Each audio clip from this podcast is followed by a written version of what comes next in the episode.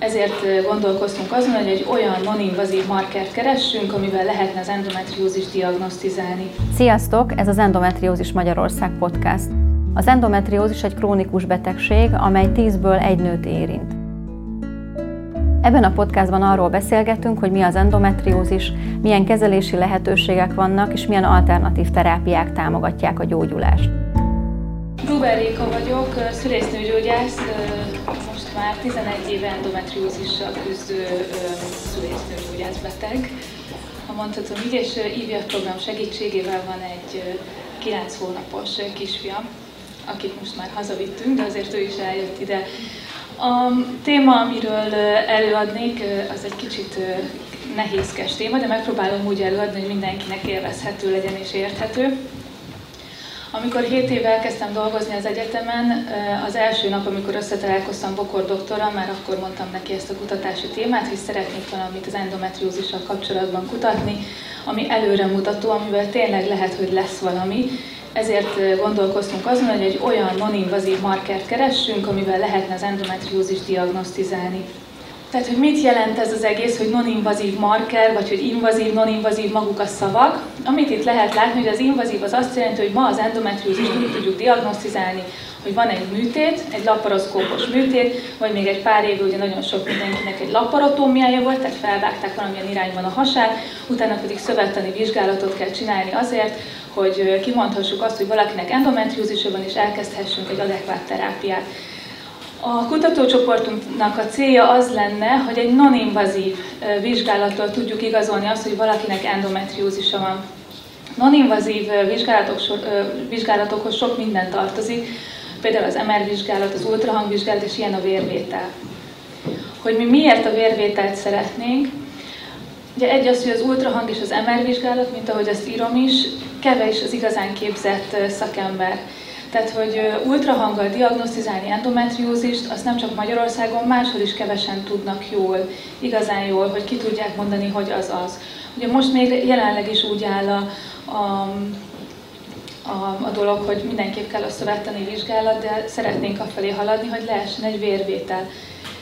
Tehát maga az MR vizsgálat, most azért elmondanám a többit is, hogy miért nem, miért nem tartjuk igazán jónak. Az MR vizsgálat, ugye, mint tudják, az egy radiológiai beavatkozás vagy vizsgálatnak is mondhatom, tehát erre egy külön szakirány épül, tehát más is öt évig tanulja mindazt, amit mi, mi tanulunk öt évig, tehát ők a radiológusok, akik leletezik az emereket.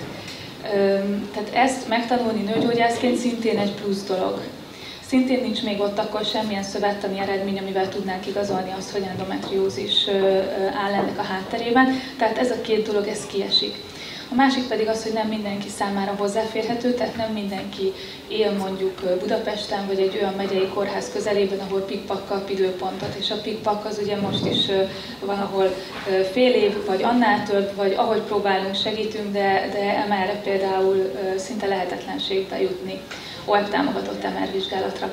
Ezért szeretnénk mi egy olyan vérvétel segítségével meghatározó markert találni, amivel ki tudjuk mondani azt, hogy akkor itt nagy valószínűséggel, vagy hogy ez még azért a következő kutatásoknak a, a témája, hogy mekkora valószínűséggel tudjuk azt mondani, hogy endometriózis áll a tünetek hátterében.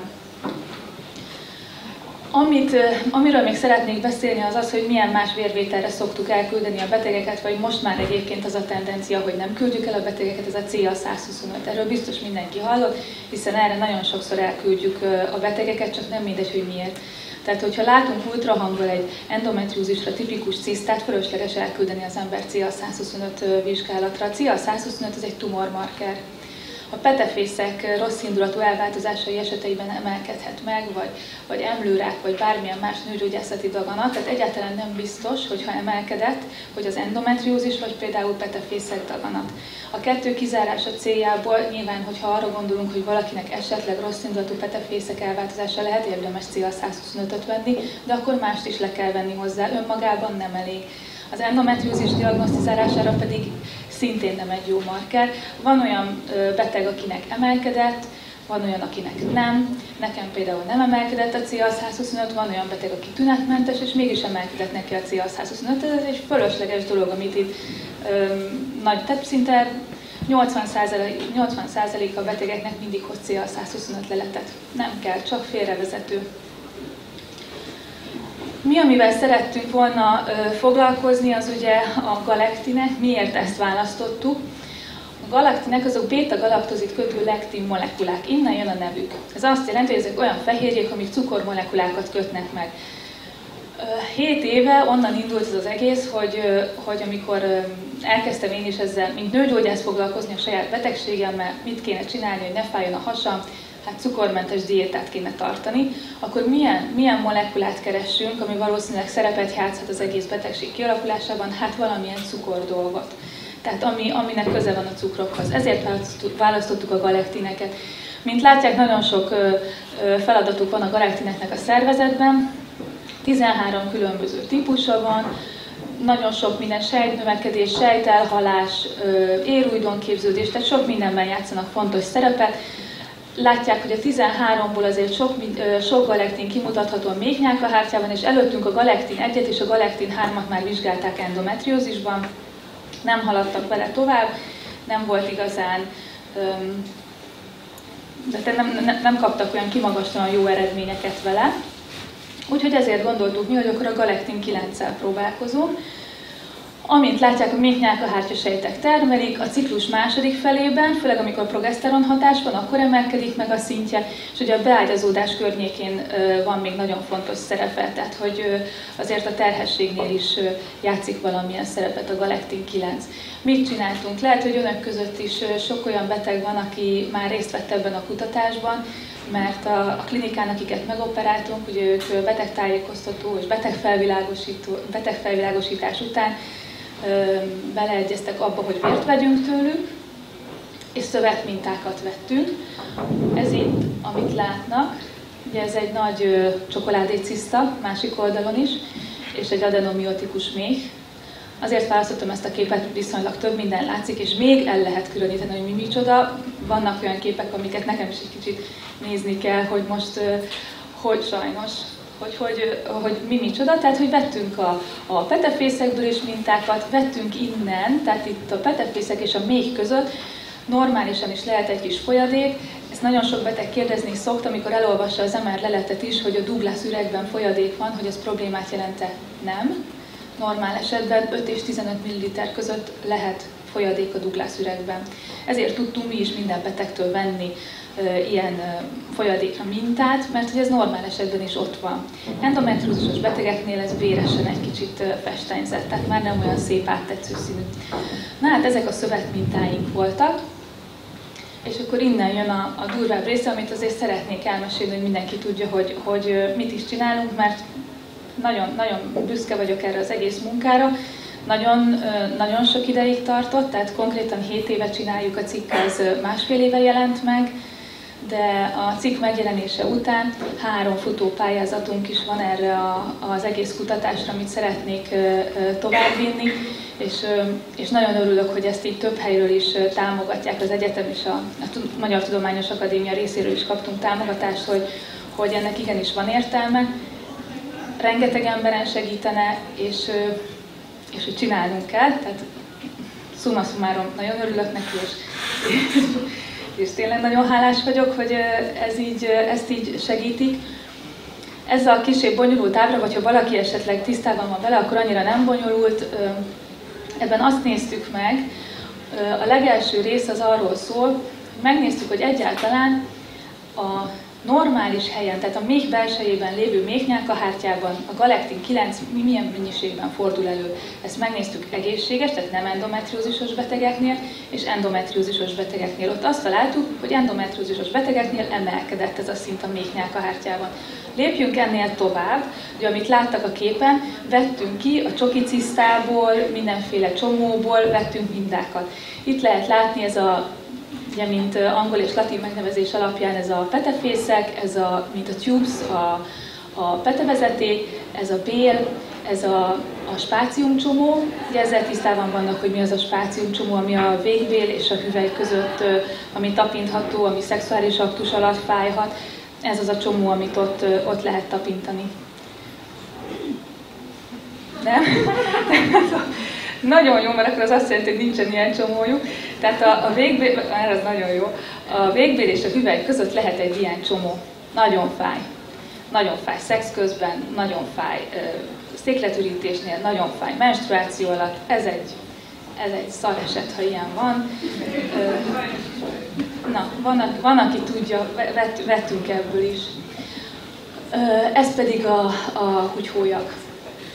És végül pedig a peritoneális, tehát mint peritoneal cells, tehát abból a folyadékból, amit kivettünk az úgynevezett Douglas üregből, amit olvasnak minden leleten, abból izoláltuk a sejteket. És akkor megnéztük, hogy na ezekben akkor, tehát az endometriózisos elváltozásokban emelkedett. És igen, azt találtuk, hogy emelkedett. Jó, akkor hasonlítsuk össze, hogy a bélen lévő endometriózis csomó és a mellette lévő teljesen normál bélrészlet, mert ugye úgy kell kivennünk a, a bélrészleteket, hogy azért rá kell hagyni egy-egy centit, tehát nem tudjuk mindjárt, nem úgy kell, nem úgy kell kimetszeni az endometriózis csomót, mint egy tumort, hogy óriási környezettel kell kimetszeni, nehogy bent maradjon, mert az endometriózis az ott van, ahol a csomó van, tehát hogy viszonylag kisebb rész ki lehet venni, de így is marad normál bérrészlet, amit mi meg tudtunk vizsgálni illetve petefészek is. Ott pedig azt találtuk, hogy mindjárt mellette, a csomó mellett, ahol nincsen semmi gond, ott nem is olyan emelkedett ez a galektin 9. Tehát ezzel azt tudtuk bizonyítani, hogy magát a galektin 9-et az endometriózisos csomó, lézió, az endometriózis ciszta, tehát azok, azok termelik. Na most ez így mind szép és jó, hogy ezt így bebizonyítottuk, de mindehez mi kell? Műtét. Mert ezeket mind műtét közben vettük ki. Tehát, hogyha most ez, ezt így elküldtük volna egy, egy újságnak, mint hogy elküldtük, akkor azt mondták hogy ez tök jó, de még mindig nem tartunk ott, hogy valami non-invazív legyen, mert ez meg kell operálni valakit. Úgyhogy amíg nagyon izgultunk, az a következő volt, vérvétel. Mert csak is akkor számít valami egy jó markernek, hogyha egy sima vérvétellel is lehet igazolni.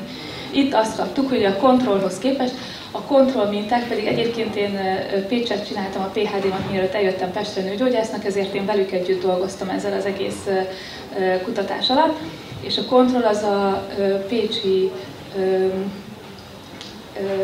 véradóban, akik adtak véreket csak úgy, hogy ugye legyen a ritka vércsoportokból is, tőlük kaptunk egy-egy kis mintát, hogy akkor őket használhatjuk kontrollcsoportnak. Kikérdeztük őket, és nekik nem volt semmi nőgyógyászati panaszuk, tehát nyilván úgy lehetne kiszűrni azt, hogy nincsen senkinek semmi baj, hogy benézzünk a hasába. Mert ugye sok endometriózisos beteg is van, akinek nincsen tünete, tehát ilyen szempontból, de elfogadták, tehát hogy tudjuk máshogy azt mondani, hogy egészséges nők csak így, hogy nincsen panasza és kész. Tehát azt találtuk, hogy sokkal magasabb a vérben a galektin 9-nek a, a mennyisége, mint a kontrollcsoportban. Tehát nagyon jó. Lehet használni. Mit, mit vizsgáltunk még? Na hát akkor nézzük meg, hogy hogy oszlik meg az 1-es, 2-es stádium és a 3-as, 4-es stádium. Tehát, hogy az 1-es, 2-es stádium az ugye a nem, nem súlyos forma, a 3-as, 4-es pedig a súlyos forma. Azt találtuk, hogy minél súlyosabb az endometriózis, annál magasabb a galektin 9-nek a koncentrációja. Itt örültünk nagyon, hogy akkor ez, ez így jó lesz, ezt, ezt van értelme annak a pár évnek és annak a szervezésnek, hogy hogy jutnak le folyékony nitrogénben a minták Pécsre.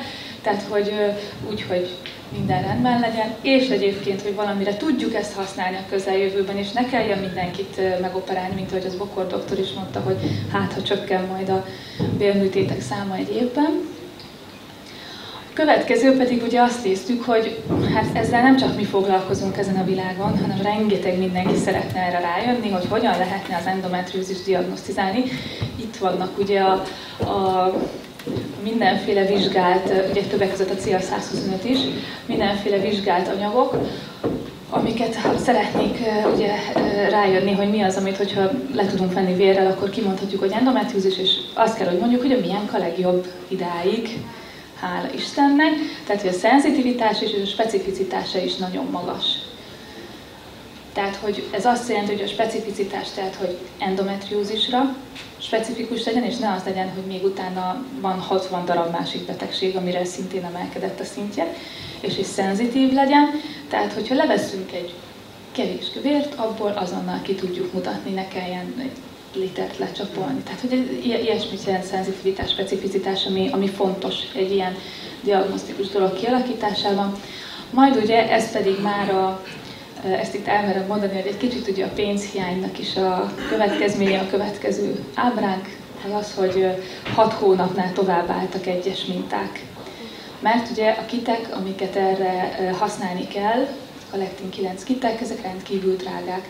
45 beteg mintájának lemérése az kb. 300 ezer forint. És ugye erre kell, tehát hogy az csak 45 darab, tehát ez több százból lehet csak kiszámolni rendesen a, a statisztikát. Úgyhogy erre sok pénz kell. Most ezért vagyok nagyon boldog, hogy ennyi támogatást kaptunk, mert így lehet, lehet szépen kiteket rendelgetni. De ugye azt vizsgáltuk, hogy ha áll a minta több mint 6 hónapig, akkor mi lesz a galektin 9 és azt találtuk, hogy le fog csökkenni. Tehát a mintákat le kell mérni. Tehát nem lehet azt, hogy valahol csinálják ezt a vizsgálatot, és mondjuk a mintákat szállítani kell hosszasan, hosszasan, hosszasan, mert, mert akkor nincs értelme, akkor nem lehet már meghatározni. Tehát az lenne a legjobb, ha ezt minden, minden országban legalábbis majd be lehetne vezetni.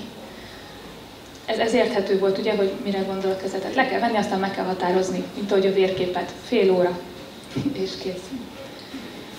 Úgyhogy szeretném megköszönni a figyelmet, ezek IVF-es tük, amikkel körbe van véve ez a kicsi boba. Egy két-három hete találtam az Instagramon, és remélem, hogy mindenki akkor a szerencsével fog járni, mint sokak itt közülünk, ha még esetleg nem lettek terhesek, vagy bármi gond lett, hogy sikerül az IVF, nagyon, nagyon szorítunk, önök pedig szorítsanak, hogy vegyenek részt esetleg, hogyha, hogyha még majd csinálunk vizsgálatot, hogy tudjunk haladni, és tudjunk egy olyan diagnosztikus módszert találni, ami már a mi lányainknak, unokáinknak már megkönnyíti az életét.